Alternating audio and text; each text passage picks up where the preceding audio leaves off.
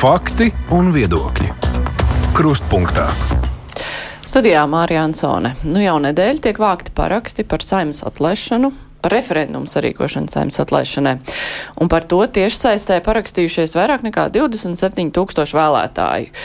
Lai sarīkotu šādu referendumu, ir nepieciešama vairāk nekā 154 tūkstoši parakstu. Līdz tam ir ļoti tālu, bet nu, laika arī daudz, vesels gads. Tikmēr saima turpina darbu, un budžets pirmajā lasījumā arī ir apstiprināts, lai gan no opozīcijas saņēma daudz kritikas, cita starpā par to, ka nerisina demogrāfijas problēmas, kuras par sevi atgādināja jaunākajos statistikas datos. Dzimstība ir nokritusi zemākajā līmenī pēdējos simts gadu laikā. Šos notikumus arī atklātībā nākušās ziņas par ekspremjera privātajiem, ne, bet uh, privātās lidmašīnas izmantošanu apspriedīsim šodien raidījumā. Mūsu studijā šodien ir, kas notiek Latvijā, redaktora Madara Fridriksone. Sveika! Sveika, Māra! Sveiki, klausītāji! Māra Libeka no Latvijas avīzes. Sveika, Māra! Kolēģis Aidis Tomsons ir attālināts, mums pievienojies. Sveika, Saidi! Sveika, Māra! Un mums šodien studijā ir arī Latvijas Universitātes sociālo zinātņu fakultātes lektors Mārtiņš Pričins. Labdien! Labdien! Vispirms eh, par saimnes atlaišanas iniciatīvu. Tā nav pirmā tāda vēsturē bijusi. Mēs zinām, viena ir bijusi arī sekmīga, bet tā ir nākusi no prezidenta puses. Uh, bet, uh, nu, partijas par to, kas rosinās atlaist saimu, solīja jau pirms tam vienkārši tagad tika sagaidīts termiņš, ka to var sākt darīt. Eh, deviņi pieteikumi, visi tika apvienoti vienā. Bet vai ir skaidrs, eh, nu, ko tieši šīs partijas vēlas panākt bez tā, ka ir jāatlaiž saima, respektīvi kāds ir tas idejiskais pamats, jo uh, savā laikā, kad atlaida saima, tur bija skaidrs, ka tā bija cīņa pret oligarhiem. Uh, kas ir tagad? Vai Kāds atceras? Nu, kā Šlesers pateicis vienā teikumā, saima ir rīcība nespējīga.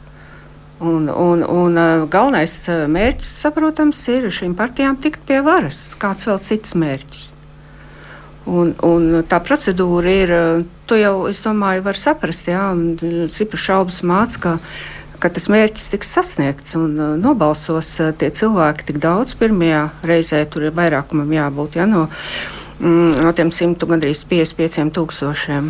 Gad, gads ir jāvāc, un pēc tam ir laikam divi gadi, ja, ka uh, no balstiesīgajiem uh, jās, jāsavāc ir trešdaļa, ja, trešdaļa jānobalso no iepriekšējām vēlēšanām. Tā kā tā procedūra ir tāda, bet mērķis ir, domāju, daudziem saprātīgiem cilvēkiem pilnīgi skaidrs. Madara. Kādu tu saskati mērķi, šo mērķi? mērķi, nu, mums jau Raivs Dzintars ir izvirzījis uh, Nacionālās apvienības, tagad opozīcijas partijas līderis arī ir izvirzījis versiju, ka tā ir vienkārši daļai arī viņu kampaņa pirms Eiroparlamenta vēlēšanām. Bet, nu, protams, ka mēs varam pieļaut, ka partijas, kuras atbalsta vai inicijē to sēmas atlaišanu, cer, ka nākamo vēlēšanu rezultātā viņas iegūs lielāku pārstāvniecību. Tik naivs, lai cerētu uz vairākumu, es domāju, ka mums neviens politiķis vairs nav, bet, nu, varbūt, ka cer iegūt lielāku pārstāvniecību, teiksim, saskaņu, kur arī ir paudus atbalsts varbūt cer, ka viņi varētu pārvilkt tai 5% barjerai pāri. Uh, nu, tās tādas cerības, ja, kas attiecas uz to parakstu vākšanas tempu. Jā, šobrīd tas ir noticis ļoti strauji, bet principā šis diezgan stipri uh, kopē to, to rakstu, ja tā var teikt, kas bija pirm, nu, iepriekšējā šajā reizē, kad uh, mūsu iepriekšējo 13. sājumu rosināja atlaist. Uh, Tad gan patiesībā šī iniciatora nebija saimā pārstāvētas partijas. Tas bija tādi ārpus parlamenta politiskie spēki vai politiķi vai politiskie aktīvisti, saucam kā gribam. Tad Protams, ka pirmais vilnis tāds nāk, tad visi tie, kuriem tiešām ir nu, kaut kas sakrājies un sakaitinājis, eh, viņus tie atnāk. Un pēc tam tas vilnis nu, tā, tā noplūk. Jā. Un nu, beig, beigās tie paraksti netika savākti.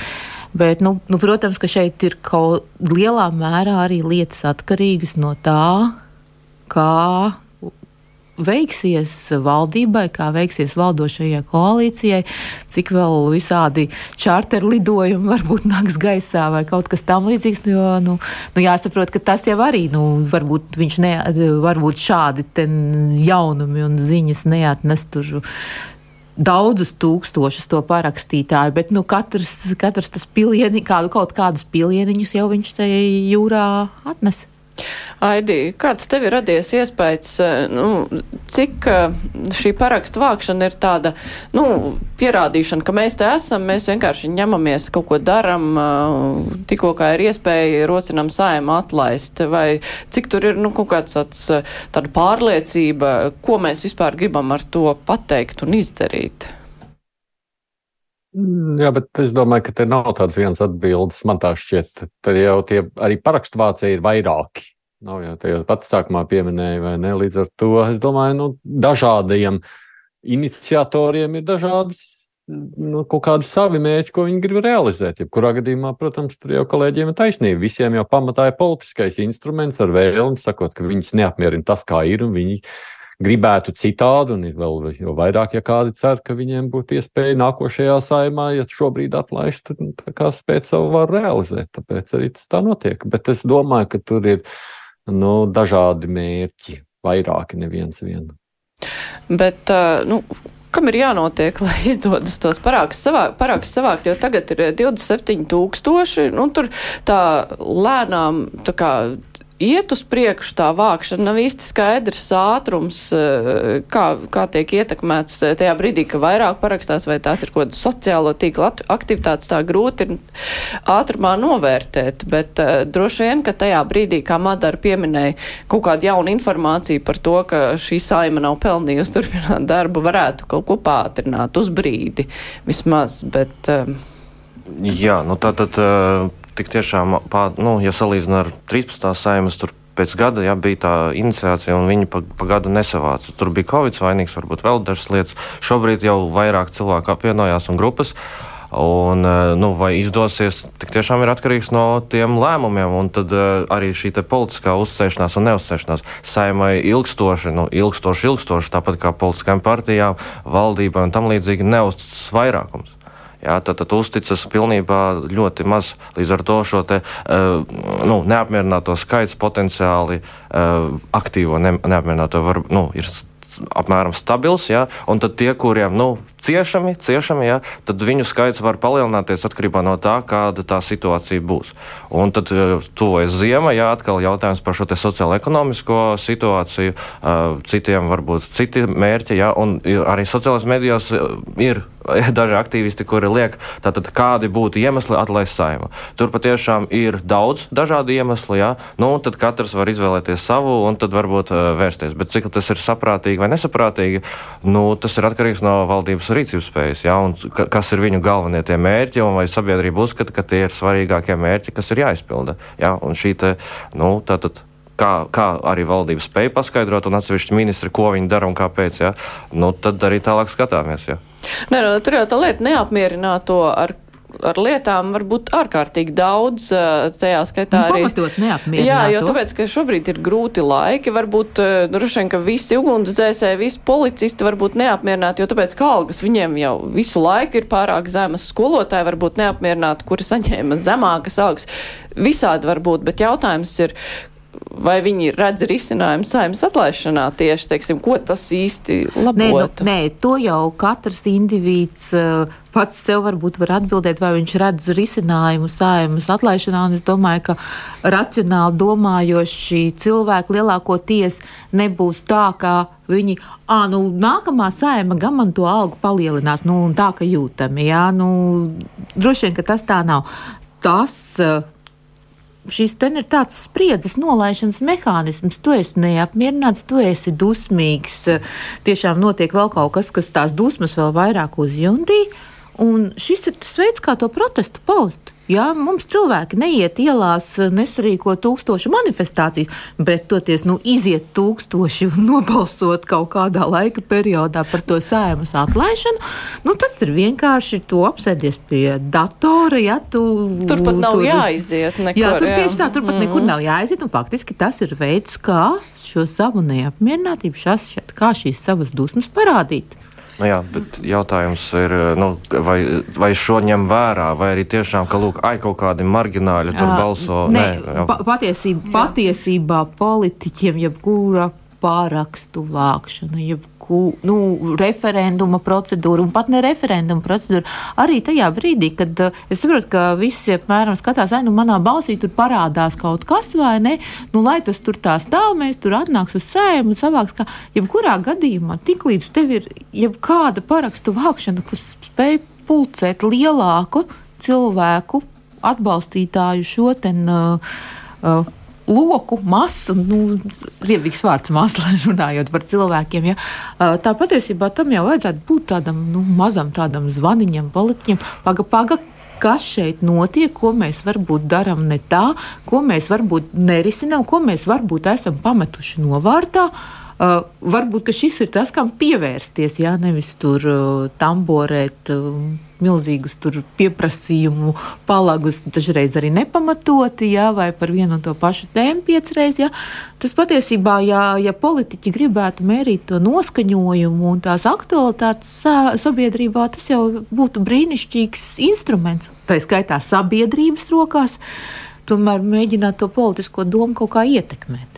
Bet, eh, nu, lai savākt tos parakstus, ir nepieciešama kampaņa, jo te ir vajadzīgi tiešām ļoti daudz parakstu, un es nezinu, vai pietiks ar eh, tieši šo iesniedzēju vēlētājiem. Tur kāds bija rēķinājis, ka diezgan daudz sanāk, bet, nu, tur vajag arī, lai viņi iet un tiešām parakstās. Nu jā, mums taču bet... ir arī kaut vai šiem pašiem iesniedzējiem praktiski arī dažiem no tiem, kas nav sējumā pārstāvēti, ir gana dāsns valsts finansējums. Uh, objektīvie izdevumi, ņemot vērā, ka mums politiskās partijas nekādas domnīcas netaisa, pētījumus nepasūta un tam līdzīgi, jā, tie objektīvie tēriņi ir mazi, nu, te jau varētu kampaņot uz. Varētu kampaņot, bet neviens jau to īsti labu. nedara. Vai varbūt nav nemaz tur liels vēlēšanās? Nu, vēl jau ir tikai sākums šis ten posms, jā, kad tiešām ir vēl šis dabiskais uzrāviens. Kad cer tikt tāpat. Tad tad, kad nu, teiksim, ja, ja tuvojās šis termiņš ir kaut kādā puslaikā un redz, ka tur ir liels iztrūkums, tad ir vērts pakampaņot. Ja pēdējā mēnesī varbūt, ja tas iztrūkums ir neliels, ir vērts mēģināt pakampaņot. Šobrīd jau tas process tomēr notiek, un es jau teiktu, ka tomēr tie pāraksti vācas šobrīd diezgan ātri. Nu, tā, tā Aidis nepiekrīt. Aidis saka. Nu, salīdzinoši ar iepriekšējo, ko jau te pieminēju, mēs redzam, ka parakstu vācis lēnāk. Ja mēs atminamies pagājušo reizi, tātad pirms četriem gadiem, tad uh, toreiz pirmajā nedēļā tika savākt 36,5 tūkstoši parakstu. Šobrīd mēs redzam, tas skaitlis ir mazāks. Uh, man jau liekas, redz, kur ir tā lielā problēma, jeb izaicinājums šiem parakstu vācējiem. Nu, pārsvarā jau tā tad uh, tie neapmierinātākā daļa ir tā, kas vai nu nav pārstāvēta parlamentā, un mēs redzam, no tiem iniciatoriem tur lielākā daļa patiesībā ir tādi, vai arī, un starp citu, tie paši, kas arī pirms četriem gadiem vāc paraksts, ja mēs redzam, tur. Un tad otra daļa savukārt, nu, tad es varētu sacīt, ir Renāša Lesera vadītās partijas pārstāvi. Uh, kura vēlētāji, protams, var, noteikti ir ieinteresēti, varētu būt ieinteresēti doties šo darīt, bet tas jautājums, vai viņi ir pietiekoši, tieši tas ir viens. Un otrs, redzi, uh, Man liekas, un, un to ir rādījuši visi iepriekšējās pieredzes. Ja? Tātad sākumā vienmēr ir uzdāviens lielais. Ja? Tur sākumā aiziet pirmajās dienās krietni daudz parakstīties, un tad viņš plok. Pagājušajā reizē, otrajā nedēļā bija pāri 40 tūkstoši, un beigās bija faktiski tikai pie 50 tūkstošiem savācās, vai ne? Pēc tam gada laikā, pārējā gada laikā, kas nozīmē, ka uh, reāli tas ir liels izaicinājums, un būtībā jau tādu kārtīgu uzrāvienu var pavilkt tikai tad, ja to, tam piesaistās vēl kādas nu, tādas lielās, jeb ietekmīgās partijas, kuru īsti argumenti šobrīd tam nav. Nu, vienīgais, uz ko tur varētu kāds skatīties, ir Nacionāla apvienība, pieņemsim. Bet mēs jau redzam, Nacionālās apvienības, nu, kādas, starp citu, no nacionāļiem jau Twitterī paziņojuši, ka viņi ir aizgājuši un parakstījušies. Mēs redzam, piemēram, no atbalstītājiem. Bet mēs redzam arī to skeptisko, ja piesardzīgo pieeju no vadības puses. Un patiesībā jau Nacionālajai apvienībai ļoti grūti arī to ir komunicēt. Šeit jau, lai arī kā to patikt vai nepatikt, Šlesers jau ir figūra, ar kuru ļoti daudz ne, nekādā veidā negrib sevi asociēt šajā politiskajā situācijā. Līdz ar to šis šlesera faktors arī spēlē negatīvo lomu. Tāpēc es, man ir grūti iedomāties, jo redz, vēlētājs jau arī ko? Nu, vismaz saprātīgais vēlētājs. Viena lieta ir tie, kas vienkārši grib paust savu neapmierinātību, bet vēlētājs vienmēr domā, nu, es aiziešu, atlaidīšu, vai tad nākošais būs labāk. Ja?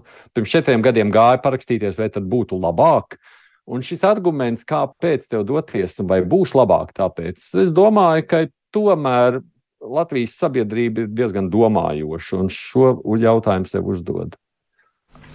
Māra. Nu, kas ir lasījuši rītdienas sarunas? Domāju, ka vajadzētu viņus vēlreiz pārlasīt, ja, kas iet atbalsta šādu uh, Aināšu Leseru iniciatīvu. Domāju, ka daudz cilvēku ir, kā jūs sakat, viņi ir neapmierināti ar daudz ko, bet ne jau tādēļ uzreiz ies parakstīties. Jo tas tiešām, kas nākamais solis, kur būs tā labākā saima, kas nodrošinās, ja, un risinās tās problēmas par šo. Bet, nu, labi, šeit tā parakstīšanās notiek internetā, un to protestu var paust diezgan viegli, uh, neizejot no mājas. Ir tā otra parakstu vākšana, kas ir pret notariāta likumu, lai prezidents šeit ir apturējis, lai viņu vispār neizsludinātu, lai šis likums tiek atcelts. Nu, tur parakstīšanās notiks klātienē, tur ir jāaiziet uz iecirkni, tur būs tikai 30 dienas dotas to izdarīt, eh, un eh, nu, tur cilvēkiem ir jābūt ļoti, ļoti motivētiem, lai viņi to izdarītu. Bet slieksnis ir ārkārtīgi augsts. Nu, tie, nu, tā, tik augsts, ka arī paši rosinātāji, vismaz, eh, nu, cik te bija man diskusijā, man, no viņiem nevēdīja pārliecība, ka to var vispār izdarīt. Tas ir godīgi, ka ir tik augsts slieksnis šādās situācijās? Patiesībā, manuprāt, tas iepriekšējais vecais vēsturiskais slieksnis, 10 tūkstoši, varbūt arī bija par mazu. Šis jaunais slieksnis patiešām nozīmē to, nu, tas ir arī politisks sauklis par tautai nozaktajiem referendumiem, bet nu, nu, patiesībā tie referendumi ir padarīti diezgan neiespējami. neiespējami. Nu, princip, principā, jā, principā, principā viņi ir padarīti neiespējami.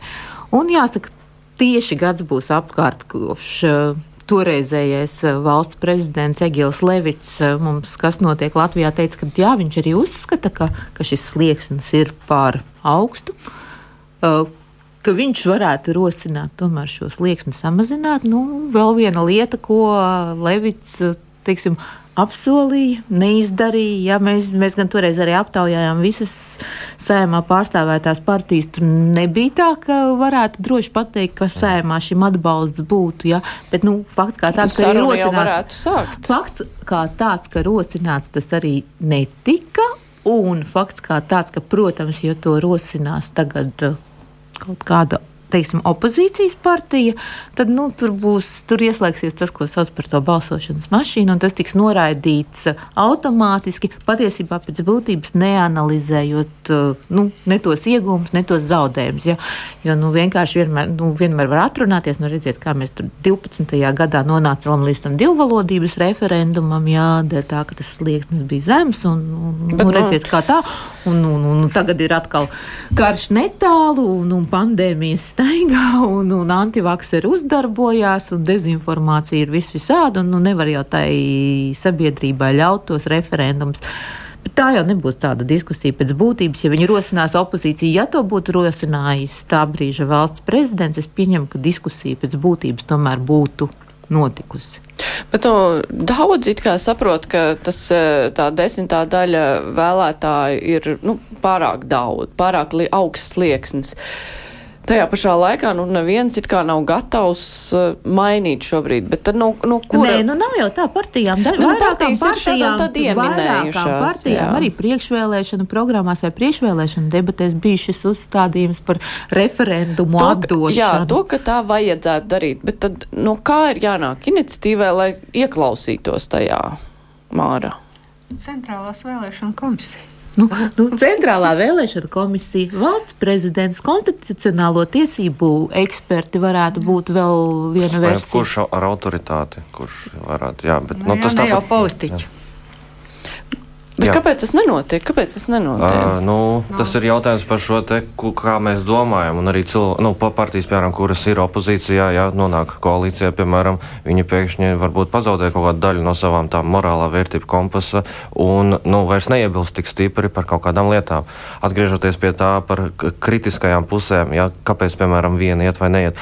Tas ir arī jautājums par šo te, uh, kritisko racionalitāti. Tātad, ja, uh, Nu, tātad, ja mēs skatāmies uz šo, nu, ka tātad cilvēki, kuri uh, kritizē, ja, cik ļoti viņi ir tātad, tādi vai šitādi, tas ir ļoti ērti. Uh, un jautājums, vai, piemēram, koalīcijas partijas ieskatās tajā visā.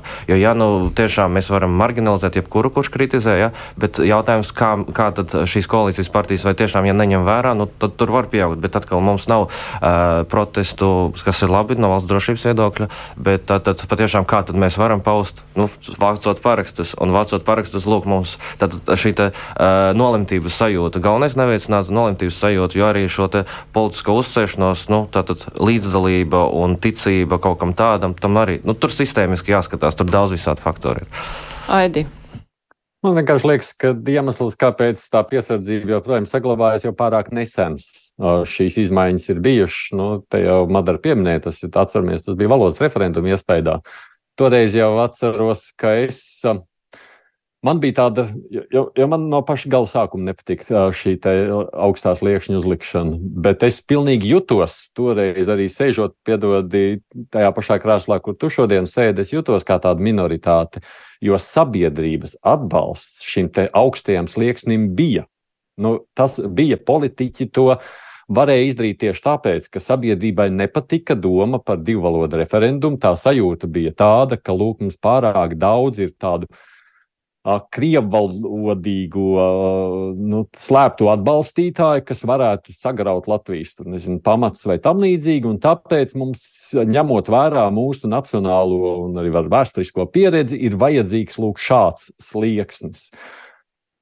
Uh, un es domāju, tīpaši arī tagad, skatoties uz notiekumiem Ukrajinā, šis sentiments jau mazliet mums par prātā stāv. Tāpēc tā Tāpēc tajā brīdī, tiklīdz tu sāc domāt, jā, redzi, citu iemeslu dēļ tu tos parakstus nevar savākt, bet, nu, lūk, tik ne, ļoti nesen, jau 10 gadi, 11 gadi tikai pagājuši kopš šiem notikumiem. Nu, mēs negribam to, un tāpēc mēs paliekam pie tā augstās liekšņa. Es domāju, šeit ir tas sentiments, un politiķiem, protams, nu, kurām mums nav tā tradīcija. Es domāju, politiķi vienkārši nepārāk ir ieinteresēti tieši tā, lai viņu jautājums tiktu apspriests referendumā. Nu, tajā pašā laikā nav nekāda mēģinājuma vispār par to visu domāt, jo, nu, nu var, ne, var jau, ne, var jau, var, var jau, mm -hmm. Parakstu vākšanu par šo sliekšņu atcelšanu, man liekas, ir jau vairāk kārt mēģināt realizēt. Tā parakstu vākšana tieši par to, ka ir jāmazina slieksnis, ir notikusi, un tu paskaties, cik praktiski nekāda atsaucība no vēlētājiem nav bijusi par šo līdz šim.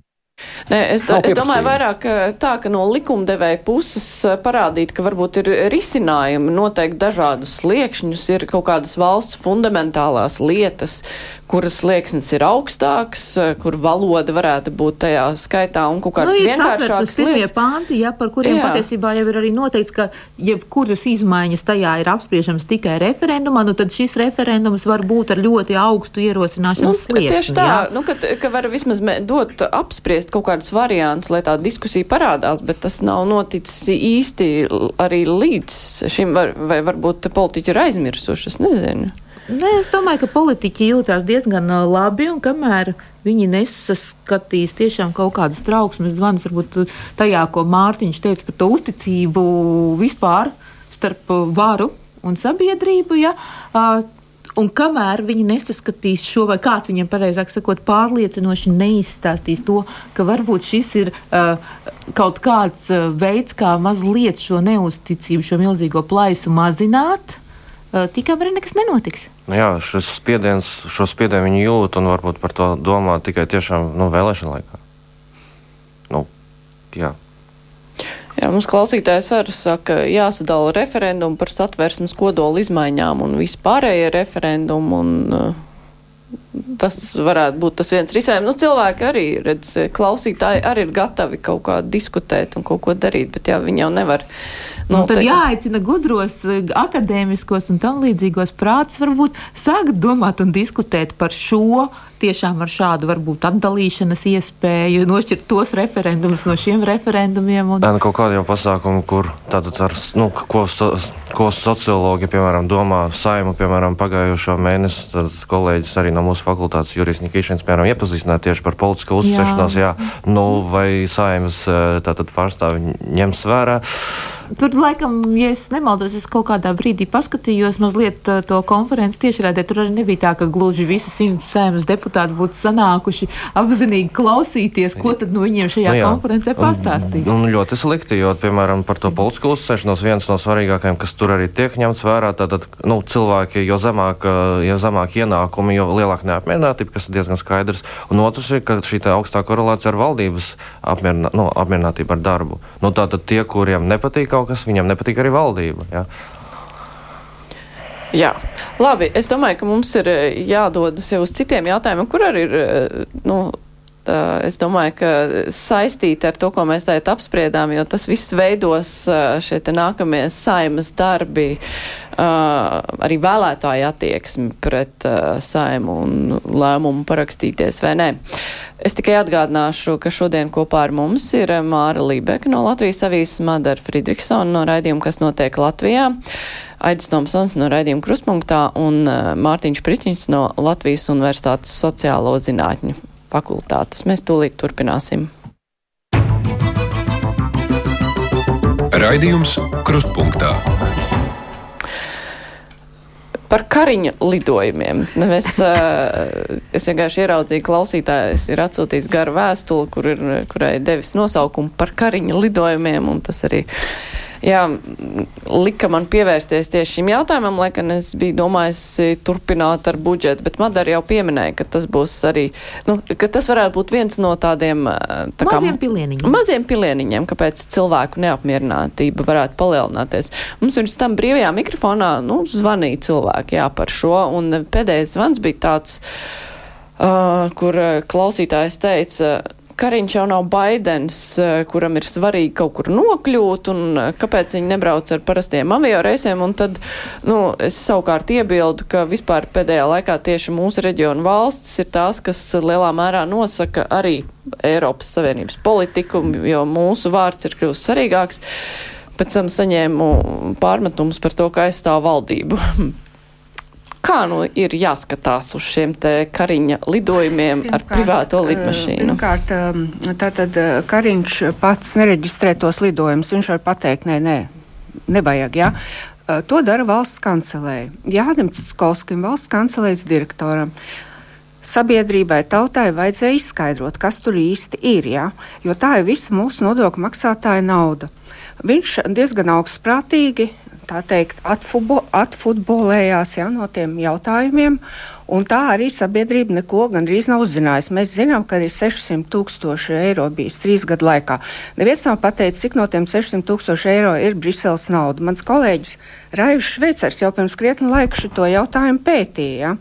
Uh, arī nepareizi izskan tas, ka nav iepirkums. Ir iepirkums bijis ar sīvā averoja. Ja? Uh, Tātad šim gadam 130, as, jūnijā noslēgts iepirkums 139 tūkstoši eiro gandrīz. Ja?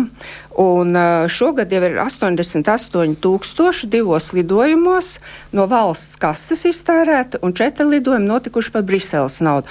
Galvenais jautājums ir tāds, kāpēc jābrauc ir uz uh, Briseli, uz Varšavu, uz Slovākiju, kur iet katru dienu, lido katru dienu lidmašīnas. Patiesībā vairākas reizes Jā, dienā. Un uz to Jā. jautājumu ir... valsts kancelējas direktoram sabiedrībai bija jāatbild, ja pats uh, Krišjāns Kariņš uh, viņam piedāvā, viņš pieņem un viņš lido. Ja? Uh, ja valsts kancelējas direktors uh, nevēlas konfliktēt ar premjerministru, tas bija redzams, nu tad viņš ir slikts valsts kancelējas direktors tad jāmaina tas direktors. Ir. Tad nākamais varbūt būs tāds, kurš skatīsies nu, vienkārši vienkārši naudas makā sabiedrības, ja, un nebūs šī tā cepšanās un vārīšanās. Nu, viņš taču var pateikt, ziniet, nu, mums te naudas tik un tik. Es uh, nezinu, es neesmu mm, Krišānam Kariņam prasījusi, kā viņi, nu, viņi, viņi saskaņo gan jau, ja Kariņš, Kariņam pasaka, tev jālido, tad būs tā lidmašīna no šīs sijā, ja, ar ko ir noslēgts līgums, un tu lidosi. Viņš var pateikt, nē, jūs tur pa daudz tērēties, vai tādas sarunas bijušas, nezinu. Vienkārši Tas, ka ir uh, noslēgts jūnijā tas līgums par tiem 139 tūkstošiem uz 12 mēnešiem, tātad tas skars arī Eviku Siliņu. Ja? Vai viņi atteiksies no tā vai nē, es nezinu. Nē, patiesībā valsts kancelējai ir arī gluži svaigs iepirkums. Tur šķiet, ka 2. novembrī noslēdzās uh, uh, tā pieteikuma iesniegšana. Uh, Tur rezultāti likumsakarīgi vēl nav, kas ir par 750 tūkstošiem uz 36 mēnešiem. Vakar lasīju iepirkuma nolikumu. Cits starp tas arī ietver čārteru lidojumus kā tādus, bet, bet nu, tas, protams, nav tikai par valsts kancelu, tikai par ministru prezidentu biroju, tas ir arī dzen, par valsts kancelē, vismaz nu, cik no šiem dokumentiem var saprast. Kas attiecās uz valsts kancelēs skaidrojumiem, pirmkārt, nu, izlasīju rūpīgi to, ko ir izlasījuši. Viņi ir iesnieguši saimnes pieprasījumu komisijai. Tur patiešām ir daži jautājumi. Pirmais jautājums ir par Covid. Uh, un, nu, kas automātiski, nu, bet jūs taču atceraties, kā Covid laikā atcēlreiz. Patiesībā šīs izmaksas, vismaz tās uzrādītās, ir par 21. un 22. gadu. Jā, tā, tā, tā tad, principā, tas ir tas brīdis, kad uh, cilvēki jau vakcinējas pret covid, un patiesībā aviācijai šie lielie ierobežojumi vairs nemaz nepastāv. Tie bija 2020. gads, kad patiešām bija tā, ka debesis bija tumšas un klusas. Nu, tā, tas, tā tas ir. Ja. Otram kārtam par pašu lidojumu sarakstu. Labi, Lielbritānija ir, liel, Lielbritānija, Vācija ir lielas, fiziski lielas, geogrāfiski lielas valstis. Tur patiešām ir tā, ka varbūt kādreiz to visu. Nu, tas punkts A, ja ir Rīga, tad tas punkts B gluži nav Berlīna, uz kuru ir vairāki reisi dienā. Bet ir arī tātad Beļģija un Dānija. Un Beļģija un Dānija vakar arī pārbaudīju, principā uz Briseli caurmērā ir divi avio reisi dienā. Uh, Zinu arī cilvēkus, kuri patiesībā brauc ar to reizi, lido ar to reizi, kas ir 7.50 no Rīgas. Viņš īsi pirms 9, ja nemaldos, ir Briselē, pēc tā mm. Briseles laika aizlido tur. Un vakarā viņi ar šo ar patiesībā ar nākamo ar Baltiku reizi jau atgriežas mājās. Ja? Principā tur nav nekāda atšķirība nu, ja neskaitot tur tās ērtības un to, ka nav varbūt tur vēl simts cilvēku lidmašīnā, patiesībā tur nav nekādas praktiski atšķirības tajā visā ātrumā, kā tu tur nokļūst un tajā ērtībā no čārtera. Nu, Pēc būtības, jā, nu, ja, ja mēs tiešām tur, nu, neattīstām tās domas par to, cik smalks salons ir čārterī un tā līdzīgi. Jā.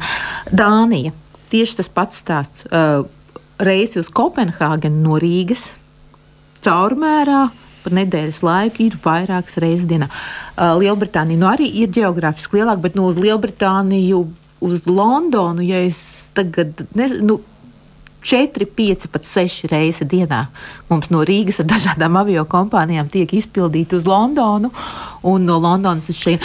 Lielbritānijā plus vēl ir stipri attīstīta sauc, nu, iekšējā avio satiksme, tā kā liela geogrāfiski liela valsts. Jā, mm. Tā kā, respektīvi, ir kaut kāda, vismaz kaut kāda daļa lidojumu, kur es teiktu, ka nevar Ne ar bet, Covid pamatot, ne ar to, ka nav šie reizes pieejami. Nē, bet tas, tas galvenais jautājums tad paliek, kāda iemesla dēļ viņi, jo tā, tas, ka tu minēji, ka vienā virzienā aizbrauc ar privāto, atpakaļ ar kopējo reisu. Nē, Tur, nē, tie, nē, nē, nē. Ir, tu vari ar rīta reisu aizbraukt uz Briselu un ar vakar reisu ar Baltiku. Ar parasto bet, reisu ir ļoti svarīgi saprast, jā, un salīdzināt, piemēram, paņemot Lietuvu. Lietuvas premjerministrs, cik viņam daudz šādu reisu, cik Lietuvas valsts valsts tērē. Ja? Mēs esam paņēmuši mūsu premjerministru, bet salīdzinoši būtu interesanti. Tad oh, mums ir Lietuvas gadījumā gan vairāk, tāpēc, nu, jā, formātu, vai Igaunijas, jā, un, un, un, un trešdaļa, nu, mums premjerministram bijuši trešdaļa, ja, no visiem lidojumiem šādi, nu, privātie lidojumi. Uh, tad jautājums ir, nu, labi, cits augstākās, labi, nu, Smiltēnam laikam nav tik daudz tās tikšanās Eiropā. Nu, viņš uzsver to, ka viņš nevienu reizi nav izmantojis to. Pagaidām tas uh, Man liekas, visi diezgan virspusēji, jo es vēlreiz uzsveru, ja, ka skaidrojums tiek prasīts no sabiedrības, no Jāņa Citskolska. Jo, ja viņš nespēja izskaidrot, tad mēs uzskatām, ka tā ir šķiešanās ar valsts budžeta naudu. Viņam Jā. tajā amatā vairs nav ko darīt. Nē, vienkārši. Nu. Tā, taisnība Mārai, tai pašā laikā un arī patiesībā, protams. Uh, Krišānam Kariņam ir taisnība tik tālu, cik viņš saka, ka viņš pats sev neizvēlās. Var, varbūt ir taisnība tik tālu, ka es taču pats sev neorganizēju lid, lidojumu. Jā, bet uh, Krišāns Kariņš ir politiķis, un tur var pārlasīt jau principā tas ir tas, ko māca pat sociālajās zinībās bērniem pār politisko atbildību. Vidu, vidusskolnieks, principā, ja viņš būs daudz maz pacenties apgūt savu mācību vielu, to zinās. Ka lai vai kā, kas pieņem kaut kādus lēmumus par tēriņiem un kaut ko, kas izskatās pēc politiķa privilēģijām. Atbild par to politiķis. Par to nekad neatbildēs ierēdnis, vai viņš tur gribēja izkalpoties, vai viņš tur gribēja to politiķi ie, iegāzt vai jebkādi tās, ka šī, pret šo politiķi šis ir vērsies un tas politiķis izskatās nesmuki, ir paša politiķa atbildība. Jo Krišānam Kariņam iekāpjot čārterā vienreiz, otrais, trešo reizi, ja viņš nav īpaši pieprasījis čārteru, vajadzētu rasties jautājumam. Bet kāpēc, kāpēc man visu laiku ir šie čārteri, vai mēs to varam atļauties? Aidi, Tu ļoti uzmanīgi klausies, noteikti tev radās kādas pārdomas. Tad, kā, jā, es, kam par ko ir? Zināmā mērā apskaužu savus kolēģis, tos, kas nodarbojas ar analītiku, labā nozīmē apskaužu, jo man liekas, ja man būtu analītiskā žurnālistika, es arī ļoti labprāt šobrīd raktošu šajā tematā iekšā, jo viņš ir bezgalīgi interesants gan no politiskā, gan no ekonomiskā viedokļa. Jo te ir daudz jautājumu. Man gan liekas, ka man arī būtu interesanti palūkoties vispār gan uz to, kā vēsturiski tas ir veidojies pasaulē un kāda ir sabiedrības attieksme mūsdienās. Nu, mēs jau redzam, nu, tajā brīdī, kad tur, pieņemsim, Putins ielodas ar savu lidmašīnu vai Trumps lido ar savu lielo lidmašīnu, nu, viņi, viņi jūtās, ka viņi ir svarīgas personas. Un mēs aizjām sakām, nu, labi, redz, liela valsts, svarīga persona. Bet kā pusē tad ir manas simpātijas? Vai nav tur tā, pieņemsim, Somijas premjeras, kurš uz darbu mījas ar velosipēdu un ikdienā pārvietojas ar sabiedrisko transportu? Jo mēs jau redzam, ka sabiedrība īstenībā novērtē to, ka tu esi, jā, nu, ka tu apzinājies, kas tu esi, ka tu esi cilvēks un tu gribi būt kopā ar sabiedrību šajā brīdī Latvijā nu, šis ir jautājums, kurš tā īsti nekad politiskā dienas kārtībā taisnība nav diskutēts. Tā kā var jau būt, ka arī šeit mums ir diskusija. Mums vakar klausītājs viens jautāja, vai mēs, Māra, tev negribam kādu diskusiju kruspunktā uz, sarīkot par šo tematiku. Bet, bet te ir, protams, arī analīze, jā, kas šajos gados noticis. Man ļoti interesanti bija klausīties, ko Madara stāsta. Tas ir ļoti svarīgi. Un šeit ir ļoti būtiski, man liekas, ka žurnālisti šo savu darbu turpina un dara, ko viņi ir iesākuši. Jo atbildes, kā jau tas atsīja, tās atbildes, kas ir izskanējušas publiskajā telpā, nu, tās nav politi politiķu, man liekas, vismaz man galīgi negribētos mūsdienu politiķu cienīgas. Tādā veidā nevajadzētu komunicēt uz lietām. Tad runājam atklāti to, kas ir noticis iepriekšējos gados. Šī šobrīd ir drīzāk izvairīšanās no atbildēm. Jā, nu, klausītāji mums raksta, vai esat lidojuši no rīta uz Briselu un vakarā atpakaļ. Jā. Es esmu, tas ir izsmieklis un zem cilvēku cieņas likt savam darbiniekam to darīt, jo kvalitatīvi piedalīties sanāksmēs nav iespējams. Nu, tā ir tā viena puse, Jā, kur es, ir. es to esmu darījusi un es zinu patiesībā arī cilvēkus, tad tādā, Jā, tad tādā daudziem- gadījumā jāsaka, ka Kariņa kungs nekad nav rūpējies par valsts pārvaldi, jo saviem darbiniekiem viņš nezinot, to ir līdzis darīt gan. Aidi, aidi. Viņš taču bija Eiropas parlamenta deputāts, kuri katru nedēļu turp lido un atpakaļ ne jau ar privātām lidmašīnām. Tie cilvēki, kas strādā šobrīd saistībā ar Eiropas Savienību, visu laiku liedo publiskot. ah, Es nezinu, mums jau var patikt servis, var nepatikt servis. Jā, droši vien var teikt, zem goda ir pieņemsim iekāpt tramvajā un aizbraukt uz darbu. Es tāpēc braucu ar savu privāto mašīnu. Nu, tā tas tā nevar. Nu, es, tad ir jautājums, kas manu pašcieņu vairo. Ja manu pašcieņu vairo privāta lidmašīna, nu, tad es apšaubu, ka es gribētu, ka tu esi mans pašcieņas pārstāvis. Nē, nē, es eh, gribu to vēstuli mazliet, eh, nu, te ir vienkārši no. garāka mazliet, bet cilvēks vairāk runā par to, ka tas ir ārkārtīgi nogurdinoši. Vienas dienas ietvaros lidot turp un atpakaļ, un tur nav iespējams kvalitatīvi pēc tam strādāt, ja tu esi tur pusdienu pavadījis ceļā. Pa, ņurcoties pa tām lidostām. Bet stāsts nav par to, cik tas ir grūti vai viegli. Stāsts ir vairāk par to, kā amatpersonas tālāk šo visu komunicē, jo droši vien, ka mēs negribam, lai premjeras tur parādās, es nezinu, pasaules mēdījos ieskrienot tur nošņurcis no lidmašīnas. Nu, es pieņemu, ka tas no, varētu būt. Nē, patiesībā arī tas zināmos apstākļos, piemēram, Būtu es pieņemu, ka, pa, ne, ka, ka pērn tiešām, nu, bija tātad šīs ārkārtas Eiropa padomes. Uh, kas notika, tika sasaukts saistībā ar uh, to, ka Krievija sāka karu Ukrainā. Bija šīs Eiropa padomas vairāk kārt.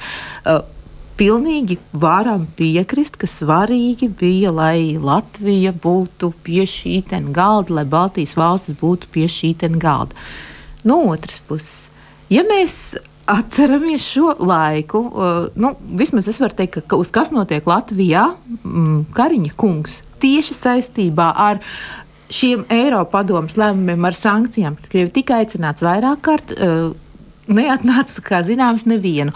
Uh, cik man zināms, arī vairākiem citiem mēdījiem, nu, nebija tā, ka veiktos pēc tam iegūt premjera izvērstu komentāru, ka premjeras atnāktu un pastāstītu, ko viņš pie tā galda ir dzirdējis un ko viņš ir pie tā galda runājis. Ja? Uh, tas visi tie brīnišķīgie mazie virsraksti pret Krieviju ir jāvēršās ar maksimālu bardzību.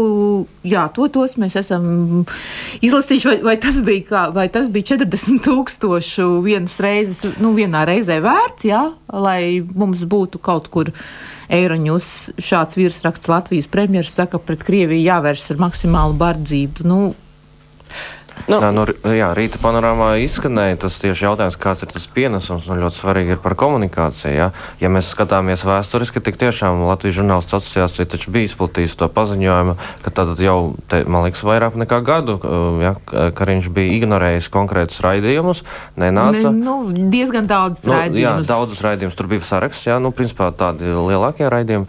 Uh, jā, rīta raidījumi, piemēram, ir tāds vairāk izklaidējušs formāts, bet nu, pēdējais, kas bija, nu, tur bija ļoti svarīgi par tātad, kāds ir tas pienesums, iespēja pateikt. Ja? Un es biju tieši izrakstījis, ko viņš ir pateicis, ka argumentējot, vai ir pienesums, viņš pārjautāja, cik tad Latvijā maksāja tas, ka nav partneru attiecību likuma, kapitāla sabiedrības nav pieejamas biržā un sasaistīja ar to, kāpēc cilvēki brauc prom.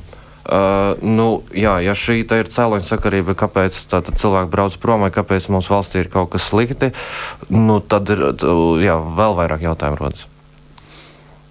Māra.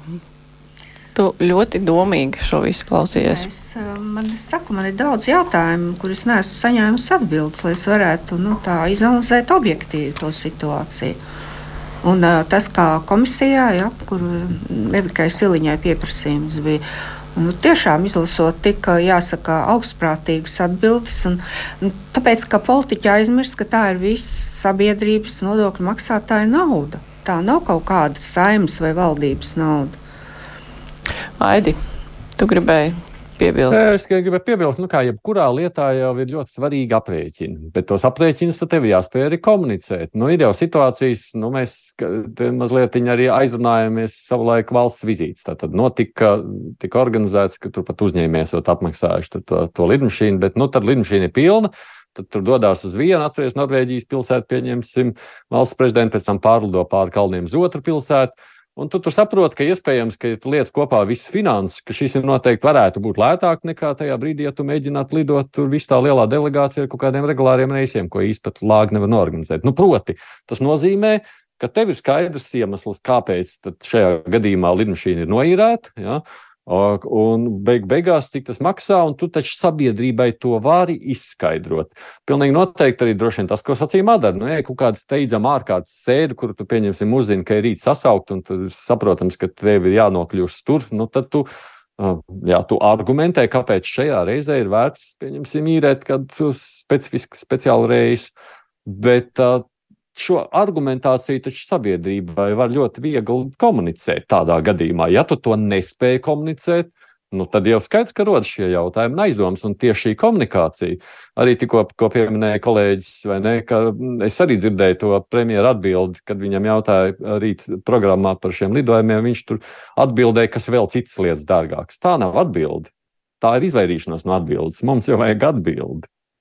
Jā, nu katrā ziņā šis temats, eh, es domāju, ka tiks attīstīts vēl, eh, gan vācot informāciju par to, cik pamatoti bija šie reisi, un arī domājot par to, kā amatpersonas ir atbildējuši par to. Bet mums eh, nav daudz laika palicis, un viens temats, ko es gribēju vismaz aizsākt šodien, jo noteikti par to nāksies runāt raidījumos vairāk.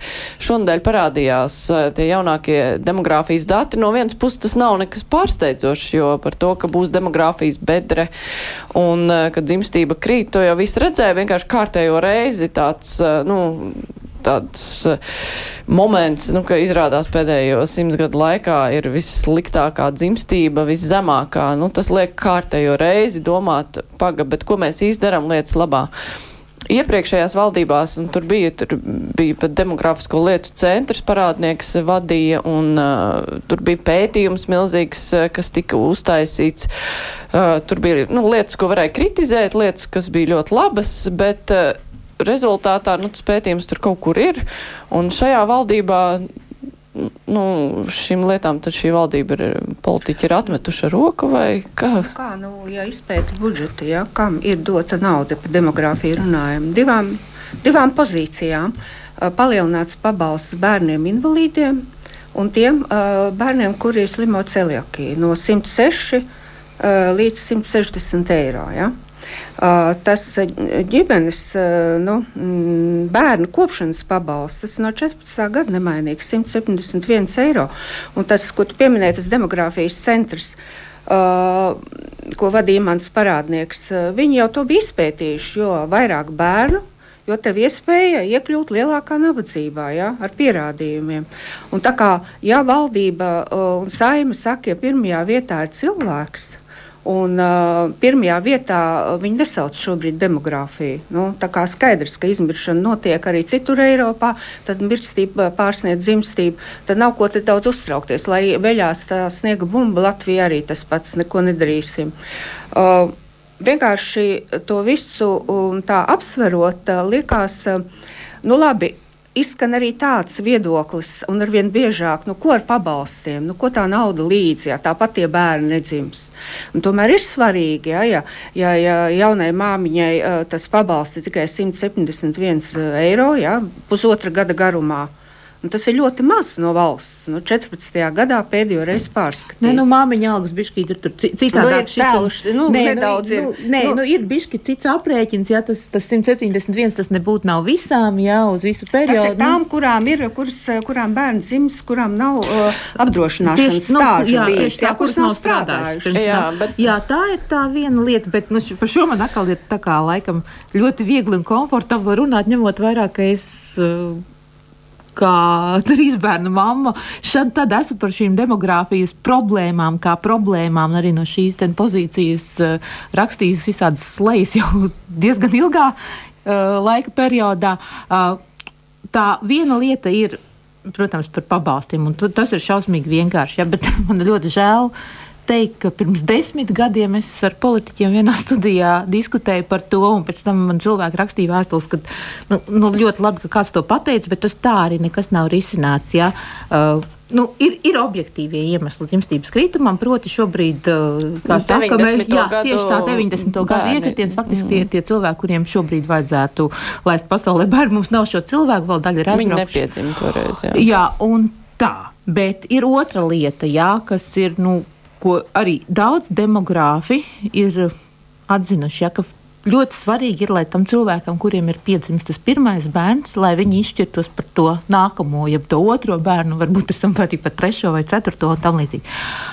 Un tajā brīdī, kad mēs 11 gadus dzirdam uh, grūtnieču aprūpe Latvijā, ir tā kā ir, uh, patiesībā ar valsts finansējumu tur. Uh, tie pakalpojumi, kas ir pat vajadzīgi, ja tur jāgaida tāpat tās visās šajās rindās. Pēc tam cilvēkam piedzimst šis bērns, viņam uz kaut kādu valsts apmaksātu izmeklējumu, ja viņam ir viens, divi vajadzīga līdz tam bērns sasniedz divu gadu vecumu, kad viņš varētu sākt domāt par to nākamo bērnu, nu tā, racionāli. Ja.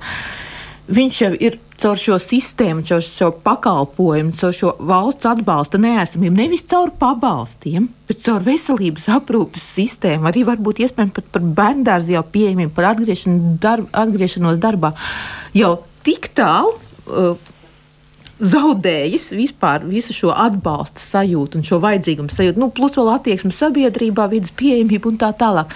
Ka tajā brīdī, kad viņš varētu tiešām laist uh, pasaulē šo otru bērnu un racionāli par to domāt, viņš gluži racionāli no, nolēma, ka viņš vēlreiz šo ceļu nevēlas iet. Tieši tāpēc, ka jā, viņam, viņam piedzima tas bērns, viņam tika piešķirts aprēķināts pirmsdzemdību, pēcdzemdību pabalsts, un tur kaut kādas šīs naudas, un viss, un tālāk tu kulies, gaidi ar savu bērnu neiroloģu konsultāciju pusotru gadu, kur viņam ir jāsaņem līdz gada vecumam un tam līdzīgi. Nu, jā, bet svarīgi, es gribēju mhm. piebilst, ļoti svarīgi ir, lai jaunās ģimenes tiktu pie mājokļiem. Ļoti daudz jaunās ģimenes ir aizņēmušās naudu, lai tajos vecos projektos lielākus dzīvokļus dabūtu. Un es te ar vairākām esmu runājis, ja, ja, ja bija tas kredīts, nu, 300 eiro mēnesī jāmaksā, tagad ir 500 eiro, viņš aug, jā, procenti aug. Tas ir ļoti būtiski e, mājokļu jautājums. Un es domāju, ka tas arī ir ļoti noteicošs, vai tu gribēsi otro un trešo bērnu. Nu jā, un arī kopē, kopīgā tā finansiālā stabilitātes sajūta, Aida, kā tev šķiet, valdība nu, domās par nodokļu pārmaiņām, vai viņiem vajadzētu domāt par, es nezinu, piemēram, nodokļu veidā atbalstīšanu ģimeņu, jo arī tas tiek pārmests, ka, nu, ka ar šo netiek strādāts, lai atbalstītu tieši ģimenes ar bērniem? Nē, es domāju, ka viss jau, ko jūs sakāt, tās viss ir ļoti svarīgi aspekti. Tie visi ir būtiski mūsu dzīves labklājībā, un mēs droši vien ar tiem arī kaut kādā mērā rēķināmies. Es vienīgais laikam ne īsti uh, Varbūt es tikai no tādas savas subjektīvās skatu. Es neticu, ka tas ir tas, ar ko mēs varam risināt demogrāfijas bedru problēmas. Mēs varam kaut kādas lietas arī izsināt, bet ne kopumā. Man šķiet, tas ir jautājums tomēr par domāšanu, un domāšana mums veidojas ilgtermiņā. No vienas puses, es domāju, ka kaut kādā mērā pateicoties Nacionālās apvienības tiem līdzšinējai politikai kaut kur jau parādījās tā doma, ka būtu, pieņemsim, trīs ģimeņu, trīs bērnu ģimenei, tas nav slikti. Es domāju, ka tas kaut kur parādījās. Bet, pieņemsim, nu kā. Tad, kad 90. gados es, es apprecējos 90. gadu pirmajā pusē, Es atceros, ka mēs ar sievu spiedām, mums gribas trīs bērnus. Lai gan tajā brīdī tā finansiālā situācija mums, atceros, mēs nezinājām, kā tikt izdzīvot vai ne. Bet tā, tā, nu, tā domāšana tajā brīdī kaut kur tā bija. Ja? Tas jautājums, kas to mūsu domāšanu ietekmē, bet es saku, tas ir ilgtermiņa jautājums. Man tā liekas, mums drīzāk jāsāk domāt, kā mēs dzīvosim ar esošo demografisko situāciju un kā valsts grasās šajā situācijā vispār nu, tik galā ar izaicinājumu. Jā, nu jā, e, mums, e, diemžēl, e, tiešām nav laika vairs īpaši šo turpināt. Pēdējā minūte ir palikusi, bet mēs noteikti rīkosim atsevišķu diskusiju par to, lai šis ilgtermiņa jautājums nu, neievalkās tik tālu, ka pēc tam vairs nav tur ko risināt risināt īsti. Es eh, tāpēc teikšu paldies Mārlī Beka, Latvijas avīze, eh, Madara Friedrichsona, no kas notiek Latvijā, Aidis Tomsons no raidījuma kruspunktā, Mārtiņš Pričins no Latvijas universitātes bija šodien kopā ar mums. Man ir eh, jāpasaka noteikti par mūsu raidījumu izmaiņām. Rīt laikmet kruspunktā skanēs nevis šajā laikā, bet desmitos un desmit minūtēs. Uh, tur būs saruna ar Ievu Akurāteri un savukārt pirmdien kruspunktā neskan. Otradien gan Aidim būs raidījums, ko mēs eh, par tematu, ko mēs eh, šodien daudz apspriedām, tas ir par saimas atlaišanu, un tur būs arī politiķi klāt, kur varēs argumentēt, ko tad viņi iztaisās panākt. Kruspunktā ar to izskan raidījuma producente ir Ieva Zēze, studijā bija Mārija Ansone, visu labu, un mēs tiekamies pat nākamnedēļ, nē, aiznākamnedēļ, visu labu!